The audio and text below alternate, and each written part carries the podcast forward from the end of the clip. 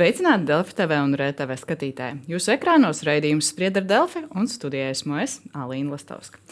Latvijas ārlietu ministrs, bijušais premjerministrs Krišjāns Kariņš, septembrī uzķēries uz Latvijā bēdīgi slaveno krievu pranksteru video zvanu, kurā viņi ar mākslīgā intelekta palīdzību izlikušies par Āfrikas Savienības komisijas priekšsēdētāju. Ārlietu ministrijā gan uzsver, ka uz šādiem zvaniem iekritušas arī citu valstu amatpersonas. Par to, kāpēc politiķiem tā mēdz sanākt, kā arī par dezinformācijas izplatību un arī citiem jautājumiem. Šodien runāsim ar valsts kancelēs strateģiskās komunikācijas koordinācijas departamenta direktoru Rihardu Bambelu. Sveicināti! Labdien! Un Delfi redaktoru Kārli Arāju. Sveiks! Sveika. Un um, skatītājus arī mudināšu iesaistīties. Mūsu diskusijā var sūtīt mums jautājumus, uh, slaido.com, slīpsvītra dezinfo, var arī izmantot uh, QR kodu vai arī saiti, kas ir mūsu pieteikuma ziņā. Uh, priecāšos par jūsu jautājumiem, arī mēģināšu uzdot šodien raidījuma laikā, ja tādus sūtīsiet. Bet sāksim runāt par šiem pranksteru zvaniem. Jā, premjerministrs Krišjāns Kariņš, atceramies arī iepriekš, bija Viltus Volkovs, Krievu opozicionārs, kas runāja ar mūsu saimas deputātiem. Arī ziņās viņš izgāja cauri ar šādu viltus identitāti. Nu, kāpēc joprojām uzķeramies, ja zinām, cik ļoti nu, šī tāda izplatīta praksa? Nu, es domāju, saukt viņus par pranksteriem vai jogdariem, tas tāds, būtu kompliments viņiem pārāk liels un, un, un var iespējams nepelnīts. Un otrkārt, arī ne, ne līdz galam atbilstoši patiesībai. Jo nu, mēs redzam, kur, pirmkārt, kur tas materiāls nonāk. Mēs redzam to lielāku schēmu, tas nonāk saucamajos pēdiņās, analītiskajos eh, Kremļa eh, atbalstītajos raidījumos, kur tiek pievilkts klāt it kā no Latvijas pārbēgušie latvieši, eh, kas stāsta izplatīts vēstījums par to, cik valstī viss ir slikti, cik šeit ir dekadenti rietumi, kā NATO gatavojas uzbrukt Krievijai un vispārējo atražo šo te, e, propagandu un, un manipulācijas. Un mēs arī zinām, ka nu, viņi ir nu, uzticamiem avotiem arī arī pietuvināti e, Krievijas e, drošības e, dienestiem. Tā ka tie nav kaut kādi nevainīgi jaunieši, kas, kas, kas zvanās apkārt pa Eiropu premjeriem, ārlietu ministriem, aizsardzības ministriem, bet nu, tā ir principā daļa un izskatās mērķēta un ilgtermiņa Kremļa iespējams ietekmes operācija.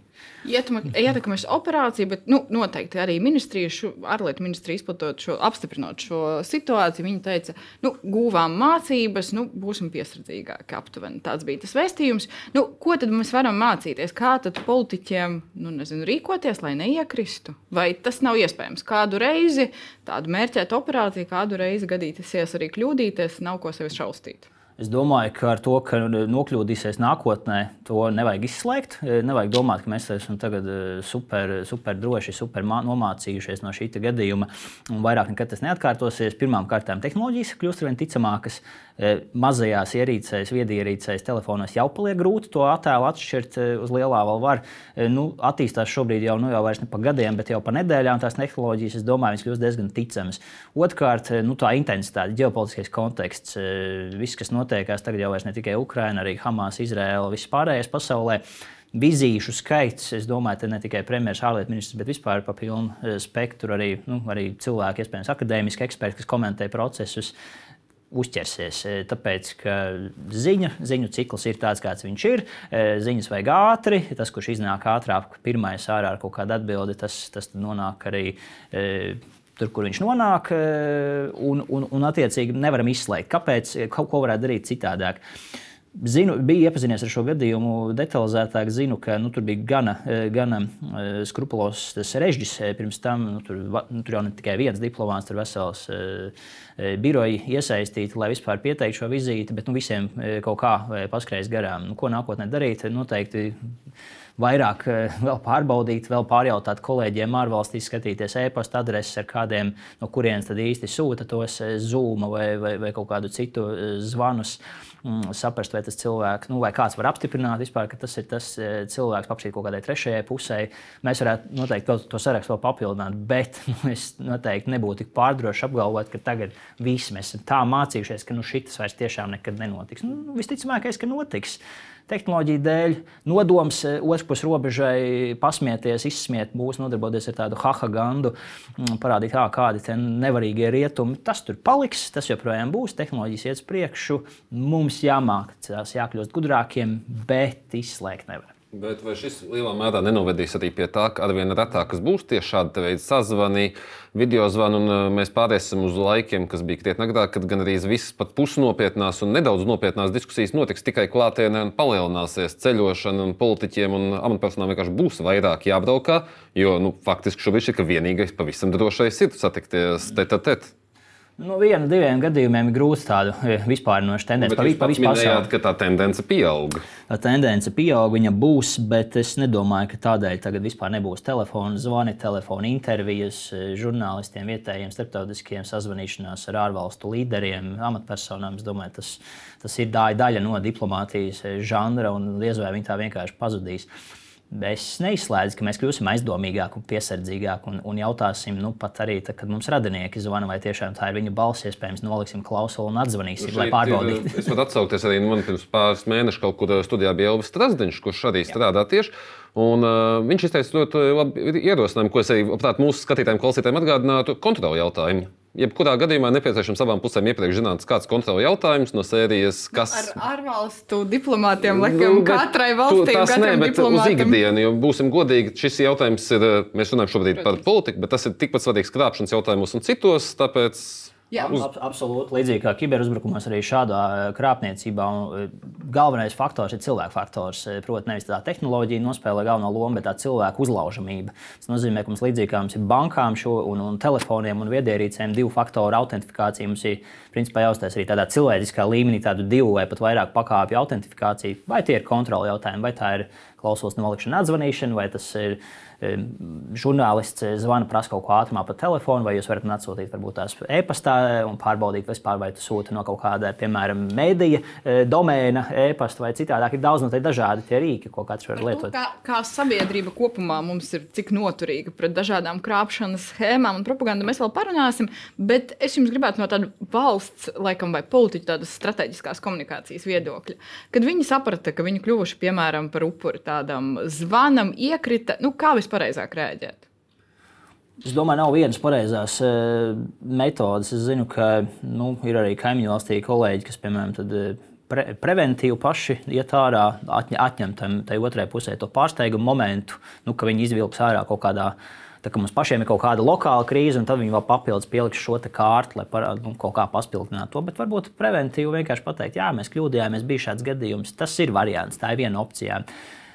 Tikpat labi iespējams arī opcija vienmēr ir neko nedarīt. Tā vienmēr ir jebkurā rīcība politikā eh, arī, arī izvēle. Ir noteikti arī vēl cits. Eh, mums arī ir skatītāju jautājums par šo tēmu.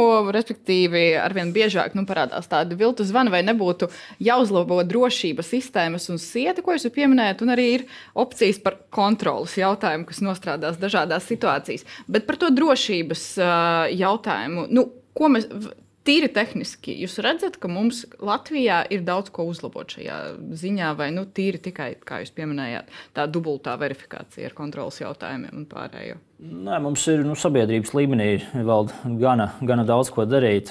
Optimistiskākās aptaujas, un es uzsveru optimistiskākās, liecina, ka apmēram 60% cilvēku domā, ka viņi ir spējīgi neuzķerties uz kaut kādu falsificētu, manipulētu saturu. Un tas ir tāds atlikušie 40. Nu, pilnīgi godīgi pasakot, ka nevar, bet nu, realtātē pašvērtējums ir labāks nekā, nekā īstenībā. Mēs redzam ļoti daudz cilvēku, un tie nav tikai sirmgalvi vai gados veci cilvēki, kas, nu, mēs zinām, bieži kļūst arī par krāpniecības upuriem, tostarp telefonu krāpniecības, bet arī jaunieši, arī jaunieši, ko mums ir tāds stereotips mīts, ka nu, tie jau nu gan māk piedzimuši te ar telefonu rokā, jā, tur jau no bērna kājas glauda ekrānu un visu zina.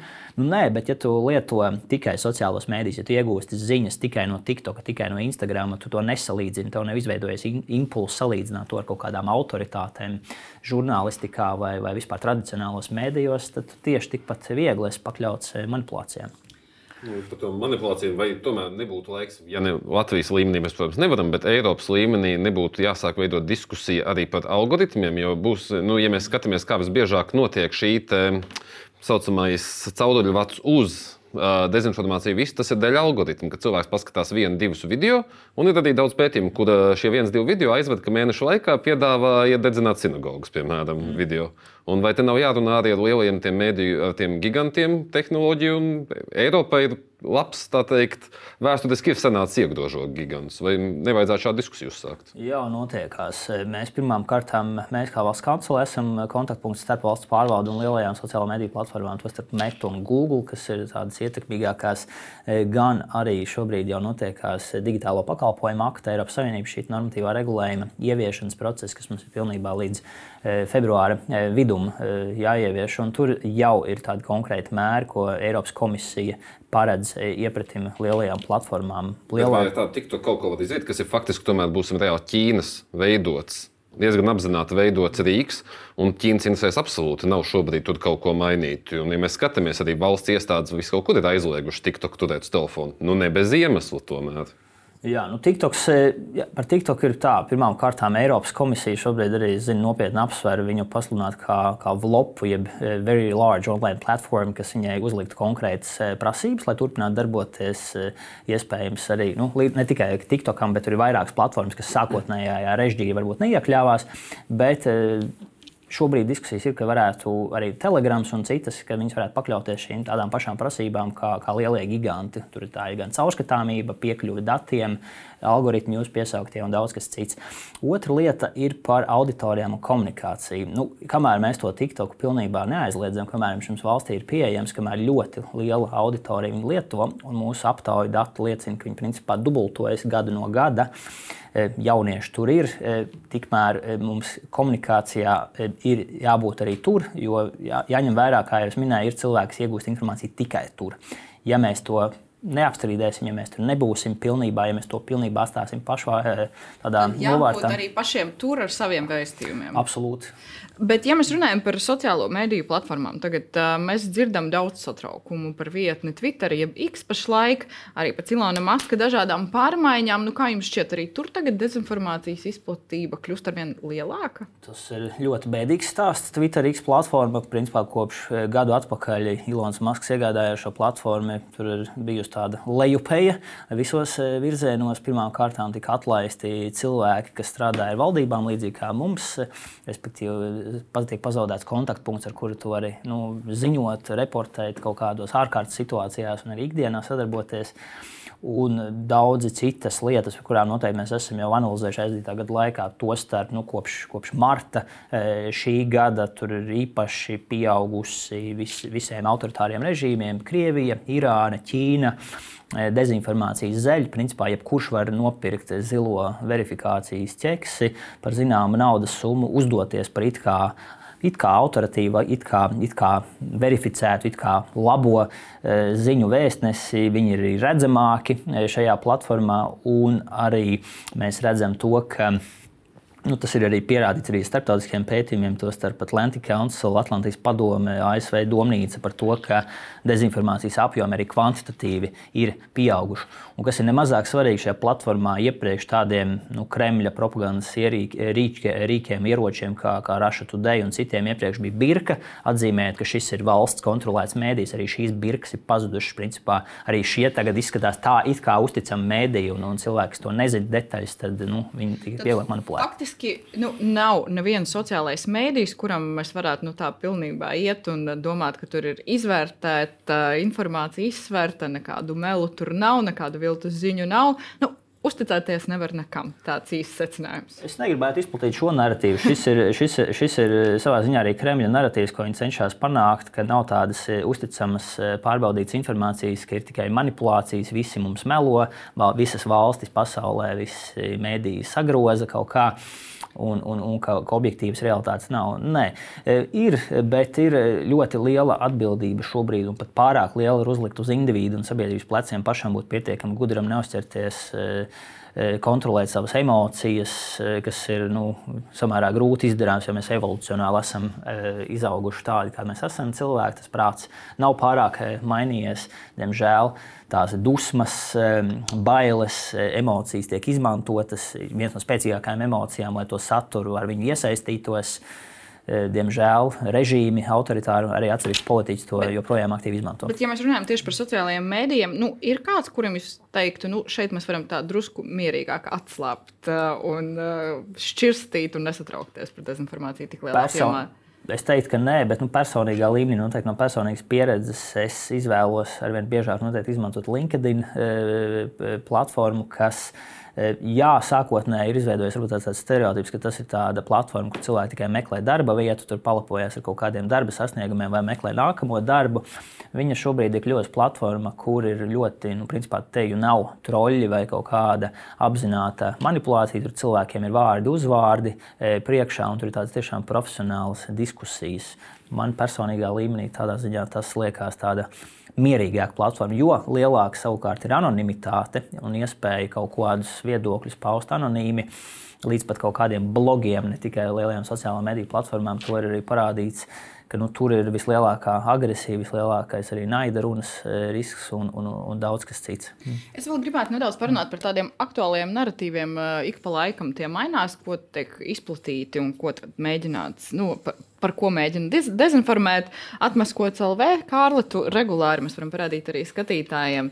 Nu, tad pārbaudi dažādu informāciju. Nu, kas ir tas aktuālais? Piemēram, zinām, zinām nu, Saima lemj par Stambulas konvenciju. Stambulas konvencija, nu, protams, pilnīgi visi jautājumi, kas ir saistīti ar pamatnedību, tas ir jau gadiem tur nemainīgi neko, nu, nekorekts interpretācijas, tiek ierakstīti, ielasīti vēstījumi, kas tur nevienā brīdī nav. Ukrainas karš viennozīmīgi tur jau no kara pirmajām dienām ir absolūti, piemēram, es vak, kad sestdienas vakaru pavadīju skatoties vienu TikTok laivu ar kādiem 600 sekotājiem, kurā tika nu, saukti tādi cipari, ka Ukrainā bojā gājuši vairāki miljoni latviešu, starp citu. Un es skatos, un tur tas viss vēstījums tiek nodots diezgan lielai auditorijai, kas to vēstījumu pēc tam paplašina. Tā kā Ukrainas karš šobrīd ir īpaši pasaulē, Latvijā nedaudz mazāk, bet arī tas ir Hamas uh, un Izraels konflikts. Tur mēs redzam.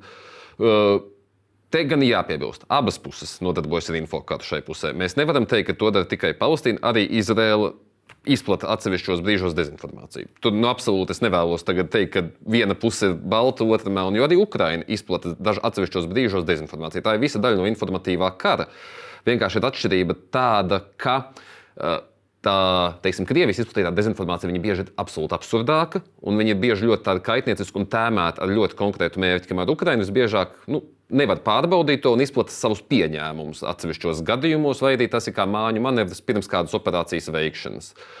Nu, kas vēl šobrīd, eh, kas ir pārsteidzoši, joprojām par vakcināciju ļoti daudz dezinformācijas klejo, un uh, mums ir atsevišķi portāli, kas uz to vien strādā un tur ļoti aktīvi ņemās, bet viņi par laimi ir aizgājuši maksas saturā, un tādēļ man šķiet ļoti samazinājuši savu iespējamo auditoriju. Tas tā īsumā.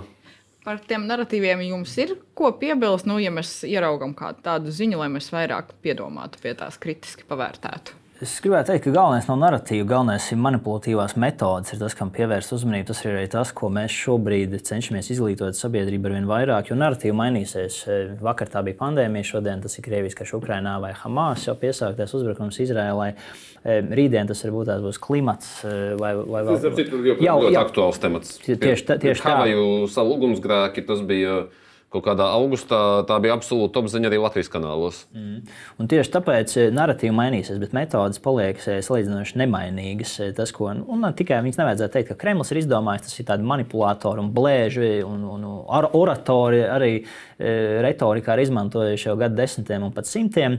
Tādēļ mēs mēģinām mācīt cilvēkiem atpazīt metodas. Tāpēc mēs arī palaidām pirms nepilnu mēneša, ne, nedaudz vairāk kā mēneša, 24. oktobrī projektu melnsbalta.lv, kas ir ir nu, tāda vesela ekosistēma cilvēkiem, kas vēlās sekot gan, gan, gan podkāstiem, analītiskiem rakstiem, bet arī īsiem pamācību video, kā atpazīt deepfakes, kā, mm, kā ziņot par dezinformāciju, kā vēl daudz ko citu darīt, kā veikt eh, reverse image search, ko daudz cilvēku nezina, ka, kas ir pamats, principā, kā meklēt profila bildi, kur cilvēks te uzaicina, uzaicinājumu, piemēram, sociālajos mēdījos, pārliecināties, vai tas ir īsts cilvēks, un daudz citas lietas, jo šīs metodas Viņas visticamākais, jā, kaut kāda jauna izdomās, bet nemainīsies, mainīsies saturs. E, ja mēs skatāmies uz metodēm un mēs e, vērojam Latvijas, inform e, Latvijas informatīvā telpu, arī ko Krievija, ko Baltkrievijas stāsta Latvija, arī mums draudzīgas valsts nereti pieskatām un skatāmies. Tur tās metodas ir īpaši, laikam, būtu akcentējums tas, ka nu, šobrīd situācija salīdzinājumā ar to, kas bija pirms pusgada vai gada, ir tas, ka Kremlis ļoti aktīvi izmanto šos it kā no Latvijas aizbēgušos cilvēkus. Mēs zinām, eh, Eiropas parlamenta bijušo deputātu Mamīkinu kungu, ir vēl vesela virkne.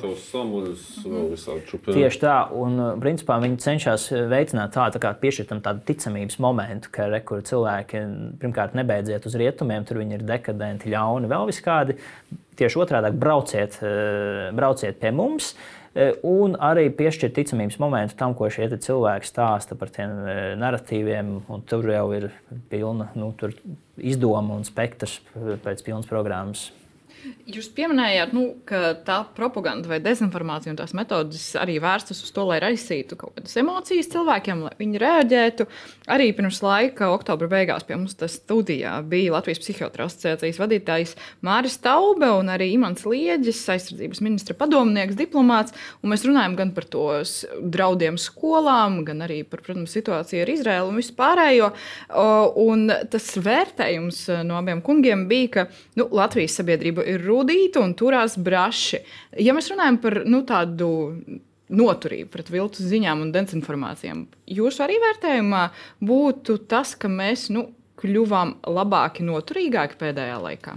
Es domāju, ka mēs arvien vairāk sabiedrībā pēd, tas, kas ir mainījies pēdējo divu, trīs gadu laikā, ir tas, ka gan, gan pandēmija parādīja šo dezinformācijas eh, lielo ieteikumi, ko sākotnēji mēs nenovērtējām, bet pēc tam pusotru gadu vēlāk, kad vakcīnas bija plaši pieejamas, tiešām daudz cilvēku bija noticējuši tiem sākotnējiem e, izdomājumiem un sazvērstības teorijām un tiešām baidījās vakcinēties. Mēs redzam, Krievijas karš Ukrainā ir ļoti augstu pacēlis gan mēdīju, gan darba kārtībā, gan, gan vispār sabiedrībā uzmanību tam nu, dezinformācijai, informācijas ietekmes operācijām. Uh, Un mēs arī runājam par to, ka, lai arī mūs sargā NATO 5. pāns, lai arī mēs esam Eiropas Savienības dalībvalsts, jā, mūs pasargās eh, krīzes situācijā, ja tas būs nepieciešams no pirmās minūtes, no pirmā pārkārtā robeža eh, eh, centimetra. Tomēr Krievija noteikti būs tā, viena no tām valstīm, kas centīsies izmēģināt visādas neģēlības zem NATO 5. pānta sliekšņa, tostarp ietekmes operācijas, tostarp kaut kādu uzbrukumu kritiskai infrastruktūrai, kiberuzbrukumu, vēl vis kaut kas cits. Mums ir jābūt gataviem, mums tā gatavības kultūra ir jāaudzē. Es piebildīšu, ka tas jau ir testēts agrāk. Atcerēsimies, ja 19. un 20. gadā, piemēram, Daugopilī izplatījās baumas, ka jāņem no konkrētas bankas bankomāta nauda, jo banka ies defaultā tūlīt. Un ik pa laikam šādi mazie testiņi, kur nu, beigās tie vaininieki neatrodas, bet nu, diezgan skaistās kājas aug no kurienes, un tie ir visi tie mazie testiņi, kur jau šobrīd tiek pārbaudīti. Tā gan sabiedrības spēja pretoties, gan viss, jo, piemēram, tāds brīdinājums par banku Tas ļoti labi pārbauda. Jo cilvēkiem, diemžēl, slēdz atmiņā ir bankas Baltijas gadījums, ir pāreks. Un, ja šī cilvēks sāk skriet ņemt ārā no kādas bankas, tas radīs domino ķēdes efektu, kas principā var radīt Latvijā jaunu finansiālo sarežģītu ļoti situāciju, kas ir tieši tas, ko vēlas panākt šī otrā puse. Un tādā veidā viņi nepārkāpj tehniski NATO 5. pantu, bet viņi ļoti būtiski destabilizē situāciju, atvieglojot jau tālākas informatīvās un teiz, varbūt arī konvencionālās darbības. Pilnībā piekrītu. Plus, eh, ko ir būtiski atcerēties, viņi arī noslogo pamatīgi visu valsts pārvaldes aparātu, drošības institūciju aparātu, citu institūciju. Nu, šajā gadījumā jūs noteikti gadījumā piesauktie arī banku un finanšu sektoru. Visu. Tā vietā, lai mēs nodarbotos ar to ikdienas darbu, ko mēs darām, nu, lai vairotu mūsu valsts drošību, labklājību, vispārējo attīstību, mēs esam spiesti kaut kādas stundas, dienas, iespējams pat nedēļas nodarboties ar, ar, ar šādu krīžu menedžēšanu. Tieši tā. Mēs sākam runāt par nu, to starptautisko notikumu fonu, kas noteikti arī ietekmē gan vēstījumus, gan uh, dezinformācijas nu, teiksim, intensitāti. Bet ir uh, mums priekšā Eiropas parlamenta vēlēšanas. Tur arī sagaidām, ka būs mēģinājumi kaut kādā veidā ietekmēt. Absolūti. Es domāju, pēdējās vēlēšanas Eiropai parādījušas, ka nu, dzīvviltojumi, deepfake gūst ar vien lielāku piekrišanu šo manipulātoru rokās. Diemžēl ir sabiedrības, kas ir uzķerās uz to. Uh, Mēs redzējām ļoti aktīvi arī pagājušā gada saimnes eh, vēlēšanās, pirms, pirms gada, kad tika izmantotas metodes. Pamatā dažādas metodas, bet mērķis tam bija viens, proti, mazināt cilvēku aktivitāti, doties uz vēlēšanām. Jo mazāk cilvēku aiziet uz vēlēšanām, jo lielāka varbūtība tur dabūt kādu E, kandidātu vai partiju, e, kurš e, nu, ļoti mēs esam redzējuši gadījumus Latvijas valsts vēsturē, tostarp, ka nu, piecus gadus Eiropas parlamentā izplatīs pēc tam narratīvu par to, no kādas neizdevušās valsts šis deputāts ir bijis. Iespējams, tas deputāts pēc tam aizbrauks atkal uz Maskavu un piedalīsies Kremļa propagandas šovos. Nu, lai tas nenotiktu, kas mums ir jādara, pirmkārt, metodas, mācāmies par tām manipulācijas metodēm, jau pieminēju vietni, bet otrs ir noteikti labākais, pie kā piedomāt. Ir, par to, kur es būšu e, nākamgad e, jūnijā, šajā nedēļas nogalē, kad notiks Eiropas parlamenta vēlēšanas, un vai es tiešām varētu aiziet un nobalsot. Un, un tad nav svarīgi, godīgi sakot, nu, tieši par kuru to politisko spēku, bet, e, bet izrādīt to pilsonisko līdzdalību, to pilsoņu pienākumu un, un nobalsot. Un tad šī metode izgāzīsies. Es piebildīšu vienu lietu, ka eh, Eiropas parlamenta vēlēšanas lielā mērā, es domāju, šiem cilvēkiem arī būs kā treniņa spēle. Jo galvenā spēle tāpat tās ir saimnes un atsevišķos gadījumos pašvaldību vēlēšanas, un Eiropas parlaments ir lielisks, viņiem tāds kā placdarms, kur iztestēt varbūt kaut ko, kas nav līdz galam pārbaudīts, un tad redzēt, ja tas strādā, to jau tālāk var aprobēt, jau arī uz vēlēšanām, kad būs nopietnāka ietekme uz iekšpolitiku un ārpolitiku. Mēs piekrītam, jā, pēc tam nākamajā gadā pašvaldību vēlēšanas, tā, kas iespējams ir pat nu, gardāks kumos. Mēs daudz runājam par sabiedrības spēju, bet daļa no sabiedrības ir arī politiķi vai kandidāti paši vēlēšanās. Mēs redzam, nu, tā tradicionāli dažādus nu, teiksim, skandālus, pašus politiķus, nu, tādus neapdomīgus izteikumus, arī faktus, ko viņi mēdz pašērot pirms vēlēšanām. Viņi paši ļoti daudz runā arī par melnajām kampaņām. Nu, cik viņiem ir liela atbildība tādu viltus narratīvu izmantošanā, Kārl, tavuprāt? Nu, manuprāt, ja cilvēkam ir dota publiskā platforma un cilvēks ir publiska persona, tad tam cilvēkam ir visaugstākā atbildība, jo viņš, ietekmē, viņš vai viņa ietekmē sabiedrisko domu. Un tādā brīdī es nesaukšu, nu, protams, nevienu vārdā, bet ir politiķi, arī ievēlēti, kas ir ļoti aktīvi nodarbojušies ar dezinformācijas izplatīšanu arī savā priekšvēlēšanu kampaņu procesos. Un, Principā dēļ tā arī ir tikuši ievēlēti, viņu elektorāts arī atsevišķai vai visai vai daļai tic tam, kas tiek stāstīts. Un, uh, tā ir tīra šo cilvēku personiskā atbildība. Un arī es, es godīgi varētu arī tieši šeit pateikt, zināmā mērā tā ir noziedznieciska rīcība. Uh, pašu cilvēku atbildība. Vai mēs kā valsts varam domāt, nu, izņemot to, ka mēs varam aicināt politiķus vai kandidātus būt atbildīgiem tajā, ko viņi saka, ir vēl kaut kādi nu, nezinu, instrumenti, lai pirms vēlēšanām mēs paši neizplatītu tos viltus ziņas vai viltus narratīvus tik aktīvi. Abs, absolūti, e, noteikti. E, viens ir jau manas pieminētās metodes, par kurām viņas noteikti tiks izmantotas arī, arī, arī šajā e, priekšvēlēšana ciklā. Bet noteikti ir instrumenti, kurus mēs neesam vēl līdz galam nu, diskutējuši valstī, par kuriem nu, šobrīd būtu pēdējais laiks to darīt. Proti, vai tas ir pareizi, ka, ka politiskās partijas var kaut kādas botu uh, fermas uh, uzturēt. Varbūt pat nevienmēr obligāti par valsts piešķirto finansējumu, kas, protams, būtu pavisam traki, bet, bet nu, par kaut kādām e, citām finansēm tas ir viens, otrs ir par e, nu, dezinformācija jāapzinās, tā ir apzināta maldināšana, lai primāri gūtu kaut kādu labumu. Šajā gadījumā vai nu ievēlēšanu, vai kaut kādu finansiālu labumu, vai, nu, ja mēs runājam valstu gadījumā, Krievijas, Baltkrievijas kaut kādu iespējams militāru un strateģisku labumu gūšanu. Tā ka nu, jā, mēs neesam nu, iespējams līdz galam vēl juridiski. Bet e, ir iespējams, nu, ja mēs runājam par kaut kādu nu, tādu stingrāku regulējumu vai stingrāku uzraudzību, jūs redzat vēl vietu uzlabojumiem šādā ziņā attiecībā uz tieši priekšvēlēšanu kampaņām priekšvēlēšanu komunikāciju. Noteikti. E, noteikti. Un es domāju, līdzīgi kā bija, bija gadi atpakaļ, kad mums nebija tāds vēlēšana klusums, e, dienu, e, divas pirms, pirms vēlēšanām. Bija daudz kas cits atļauts aģitācijas nu, periodā kas šobrīd vairs nav atļauts. Es domāju, ka nu, laika mainās, normas mainās, izaicinājumi e, attīstās un mainās, un, un, un noteikti ir iespēja papildināt. Mēs esam redzējuši vairākās valstīs, kā arī ne tikai viens vai divi politiskie spēki, bet principā pa visu spektru izmanto botus, troļļus, kā maksas pakalpojumu lētu, diemžēl efektīvu, lai censtos parādīt, ka viens vai otrs viedoklis ir populārāks vai ietekmīgāks nekā patiesībā. Es domāju, šis ir viens virziens, kurā varētu vēl e, pilnveidot. Otrs ir reklāma. Mēs daudz runājam par tādām tradicionālām reklāmām, e, digitālos medijos, tradicionālos uz, uz ēku sienām un citvietā reklāmu sociālo mediju platformās, tajā pašā Facebook, tajā pašā Instagram, citvietā, cik daudz mēs to izkontrolējam, cik daudz mēs atļaujam. Un, un, un, un tur ir vēl iespējams pilnveidot. Bet, kā jau minēju, sakritīs arī laiks, šis priekšvēlēšana laiks sakritīs ar digitālā pakalpojuma aktu pilnībā stāšanos spēkā. Viņš mums būs jāievieš, jāpārņem. Tā, ka, Tur arī būs noteikti nu, visā Eiropas līmenī, ne tikai Latvijas nacionālā līmenī, šim tiks pievērsta pastiprināta uzmanība. Ja mēs runājam vēl par nu, valsts pārvaldes komunikāciju, teiksim, tā šodien tad, tad, bija konferences strateģiskā komunikācija drošākai rītdienai, un ministra prezidenta Evika Siliņa tur ir izteikusies, ka valsts pārvaldes komunikācijā nav bijis ne lielu neveiksmju, un valsts pārvaldes komunikācijas speciālisti ir spējuši komunicēt gan ikdienas, gan krīzes situācijās. Kārli, nu, vērtējot mūsu spēju komunicēt krīzes situācijās, valsts pārvaldes vai politiķiem, atbildot uz aktuāliem jautājumiem, nu, piekritīs Siliņas kundzes nu, es, vērtējumam? Ja man būtu jādod vienā vārdā vērtējums, es teiktu, komunikācija smagnēja. Un, ja es biju plašāk, tad uh, komunikācija ir labāka, kāda tā ir bijusi iepriekš. To mēs nevaram noliegt. Bet komunikācija, tīpaši, ja runa ar atsevišķu politiķu gadījumos, ir ļoti atkarīga arī no tā politiķa kura viedoklis ir jākomunicē, un tur ir jāmācās. Ja paši komunikatori mums strādā labi, tad tie politiķi, pie kuriem viņi strādā, diemžēl ļoti bieži joprojām uzskata, ka pazudīs, aizmirsīs, nu, nevajag bakstīt šobrīd.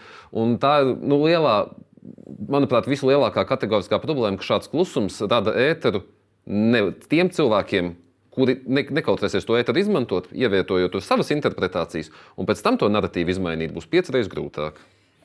Es par, konferenci. Jā, mēs šodien rīkojam pirmo valsts pārvaldes profesionāļu konferenci, kas nav ne tikai no ministrijas vai tikai padotības iestādes no Rīgas, bet no visas Latvijas. Tur ir pašvaldības, tur ir valsts policijas, zemesardze, bruņoties spēku, robežsardze, citas institūcijas. Mums ir vairāk kā 300 eh, reģistrēti dalībnieki. Un, un, un visas dienas gaitā cilvēki, nu, mēs veidojam šādu visu Latvijas komunikātoru tīklu, eh, lai, lai labāk koordinētos, lai labāk komunicētu gan ikdienā, risināt kaut kādas ikdienas jautājumus valsts pārvaldē gan arī e, krīzes situācijā, lai tas būtu izmantojams un nedodies, ja būs nepieciešams arī valsts apdraudējuma e, gadījumā. Un visas dienas garumā cilvēki mācās iepazīt protams, viens labāk otru, jauni kontakti, tīklošanās, kā jau šādās konferencēs, bet arī ļoti daudz praktiskas darbnīcas, mākslīgais intelekts, kā to lietot komunikātoru darbā, e, kā izmantot osint rīkus un, un tā tālāk. Tas ir ļoti daudz informācijas, bet es vēl gribētu parunāt par diviem tādiem piemēriem ar politiķu komunikāciju, ko es atcerējos. Nu, tāpat mūsu raidījumā uh, kad bija jautājums par gāzes vada bojājumiem, tad pie mums studijā bija aizsardzības ministrs Sprūda kungs un mans kolēģis Andris Hauzāns atsautoties uz Jāņa Sārta publicēto vietnē X. Nu, tad jautāja par to, ka pasaule kļūst nedrošāka, nestabilāka, ka mums ir domājot un lemjot par līdzekļu sadali, infrastruktūras attīstību un spēju attīstību, jāpieņem, ka realizēsies pats drūmākais scenārijs. Mans kolēģis vairāk kārt pārjautāja nu, ministram, vai viņam ir ziņas par to, kas ir drūmāks scenārijs. Viņš vairāk kārt atbildēja, ka mums jābūt gataviem visiem scenārijiem, un es iespēlēšu nelielu fragment, ko vēl viņš teica kārtīgi reiz parāda to, ka trauksmēnie laiki ir šobrīd, viņiem jābūt gataviem. Mēs nevaram precīzi paredzēt, kāda būs teiksim, tā attīstības scenārija tuvākajā vai tālākajā nākotnē. Diezgan bieži teiksim, mēs gatavojamies, protams, krīzēm. Mēs esam daudz vairāk sagatavoti krīzēm, kas ir, teiksim, kurām, kuras mēs esam redzējuši un kurām mēs varam sagatavoties. Jau attīstīt zinām lietu mehāniku, bet daudz sarežģītāk, protams, ir gatavoties eh, jebkam, kas var notikt. Bet, Respektīvi, mums jābūt gataviem, jāgatavojas jebkam. Un, nu, tas vairāk kārt kolēģis jautāja, nu, kas ir tas drūmākais scenārijs, vai varam kaut ko komentēt. Nu, Sprūda kungs tā arī neatbildēja. Nu, vai šī ir tāda veiksmīga komunikācija jūsuprāt? Nu, šī komunikācija, manuprāt, nu, no žurnālistu viedokļa, protams, gribētu plašāk atbildēt, bet es arī saprotu, ka šis ir uh, drošības jautājums, kurš ticamākais ir runa par ierobežotas pieejamības informāciju. Nu, reducējas jau uz klasisko teicienu, gribi mieru, gatavojies karam. Nu, apmēram to, tādu vēstījumu te var nolasīt. Nu. Nu, es eh, pilnībā gribēju, jūs man vārdus izņēmāt no mutes tieši tā. Eh, un, un, un klasificēta informācija pat noteikti visticamākais krietni augstākā pakāpē par ierobežotas piemības. Bet eh, tā ir realitāte. Mēs šobrīd, tāpēc mēs atbalstam Ukraiņu, mēs, mēs gribam sakaut Krieviju jau Ukrainā. Un, un pat tad, ja mēs viņu sakausim, tas mums iegūst papildus laiku. Mums tāpat tās jāgatavojas. Savukārt, ja Krievija netiek pilnībā sakauta Ukrainā, mums laika ir krietni mazāk un, un tādas provokācijas jau pieminētā zem 5. panta, bet nu, mēs nevaram izslēgt nākotnē nekādas scenārijas, ja Krievijai tiks dots pietiekami daudz laika satrenēt karaspēku, atjaunot raķešu krājumus, atjaunot Jā, par civilo aizsardzību un, un komunikāciju šajos civilos aizsardzības jautājumos. Tas noteikti ir cita raidījuma arī jautājums, tur arī ir plaši ko runāt. Un vēl viens jautājums, ko vēl viens politiķis, ko es gribētu parādīt, ir Ainārs Šlesers. Viņam es jautāju pēc nu, Hamas teroristiskā iebrukuma Izrēlā nu, par to viņa reakciju un viņa viedokli, un lūk, ko viņš teica. Tā, Mēs te ļoti tēlojam liels eksperts ārpolitikā. Reāli Latvijas viedoklī neviens neieklausās, izņemot to, ka mēs paši spoguļu priekšā šo viedokli paužam. Vienīgie, kas var ietekmēt situāciju Izrēlā un Amasā, tā ir Amerikas Savienotās valsts, kas ir. Nu, respektīvi, mēs varam paši savu pozīciju paust sev spogulī. Nu, kā jūs vērtējat šādu retoriku no Es teiktu, ļoti populistiska retorika, jo ņemot vērā, kur es esmu strādājis arī iepriekš, gan Briselē, gan, gan NATO, gan Eiropas Savienībā, kur visām valstīm ir tieši viena balss pie galda, visas balss ir vienlīdzīgas. Ja nebūs kompromisi un mēs varam nobloķēt ar savu vienu balsi kaut kādas arī kopējas lēmumus, ja mums tie nepatīk. Un arī otrādi mēs varam nu, cīnīties par kaut kādu savu interesu lobēšanu. Tā ka mūsu viedoklī ieklausās jau pēc, nu, pēc noklusējuma, jo tā šīs organizācijas strādā. Tas ir nu, nevis mēs esam Eiropa. Es domāju, tas ir tas, ko ir svarīgi atcerēties. Mēs esam arī NATO. Mēs bieži runājam par kaut kādiem NATO karavīriem, kas ieradīsies Latvijā. Nepieciešamības gadījumā mēs aizmirstam, ka Latvijas karavīri ir NATO karavīri. Latvijas diplomāti un, un ierēģi, kas strādā Eiropas Savienībā, Eiropas komisijā, citos tie ir Eiropa, Latvijas un Eiropas e, cilvēki. Mēs ietekmējam procesu, mūsu viedoklī ieklausās, un šis, diemžēl, ir lēts populisms. Nu, tad mēs varam nu, tādu secinājumu aicināt gan sabiedrības būt kritiskiem pret tiem narratīviem un vēstījumiem, ko viņi lasa, gan arī politiķus nemēģināt nu, palīdzēt teiksim, tā, kaut kādu viltus vai neprecīzu ziņu izplatībai. Nu, es piebildīšu noslēgumā. Priekšvēlēšana kampaņās noteikti, bet es gribētu aicināt esošos politiķus arī no saimnes tribīnas neizplatīt dezinformāciju, kas ir, diemžēl, vesela raidījuma cita tēma, bet tā ir ļoti populāra lieta. Paldies jums šodien par sarunu. Paldies jums, ka skatījāties un uz tikšanos jau drīz.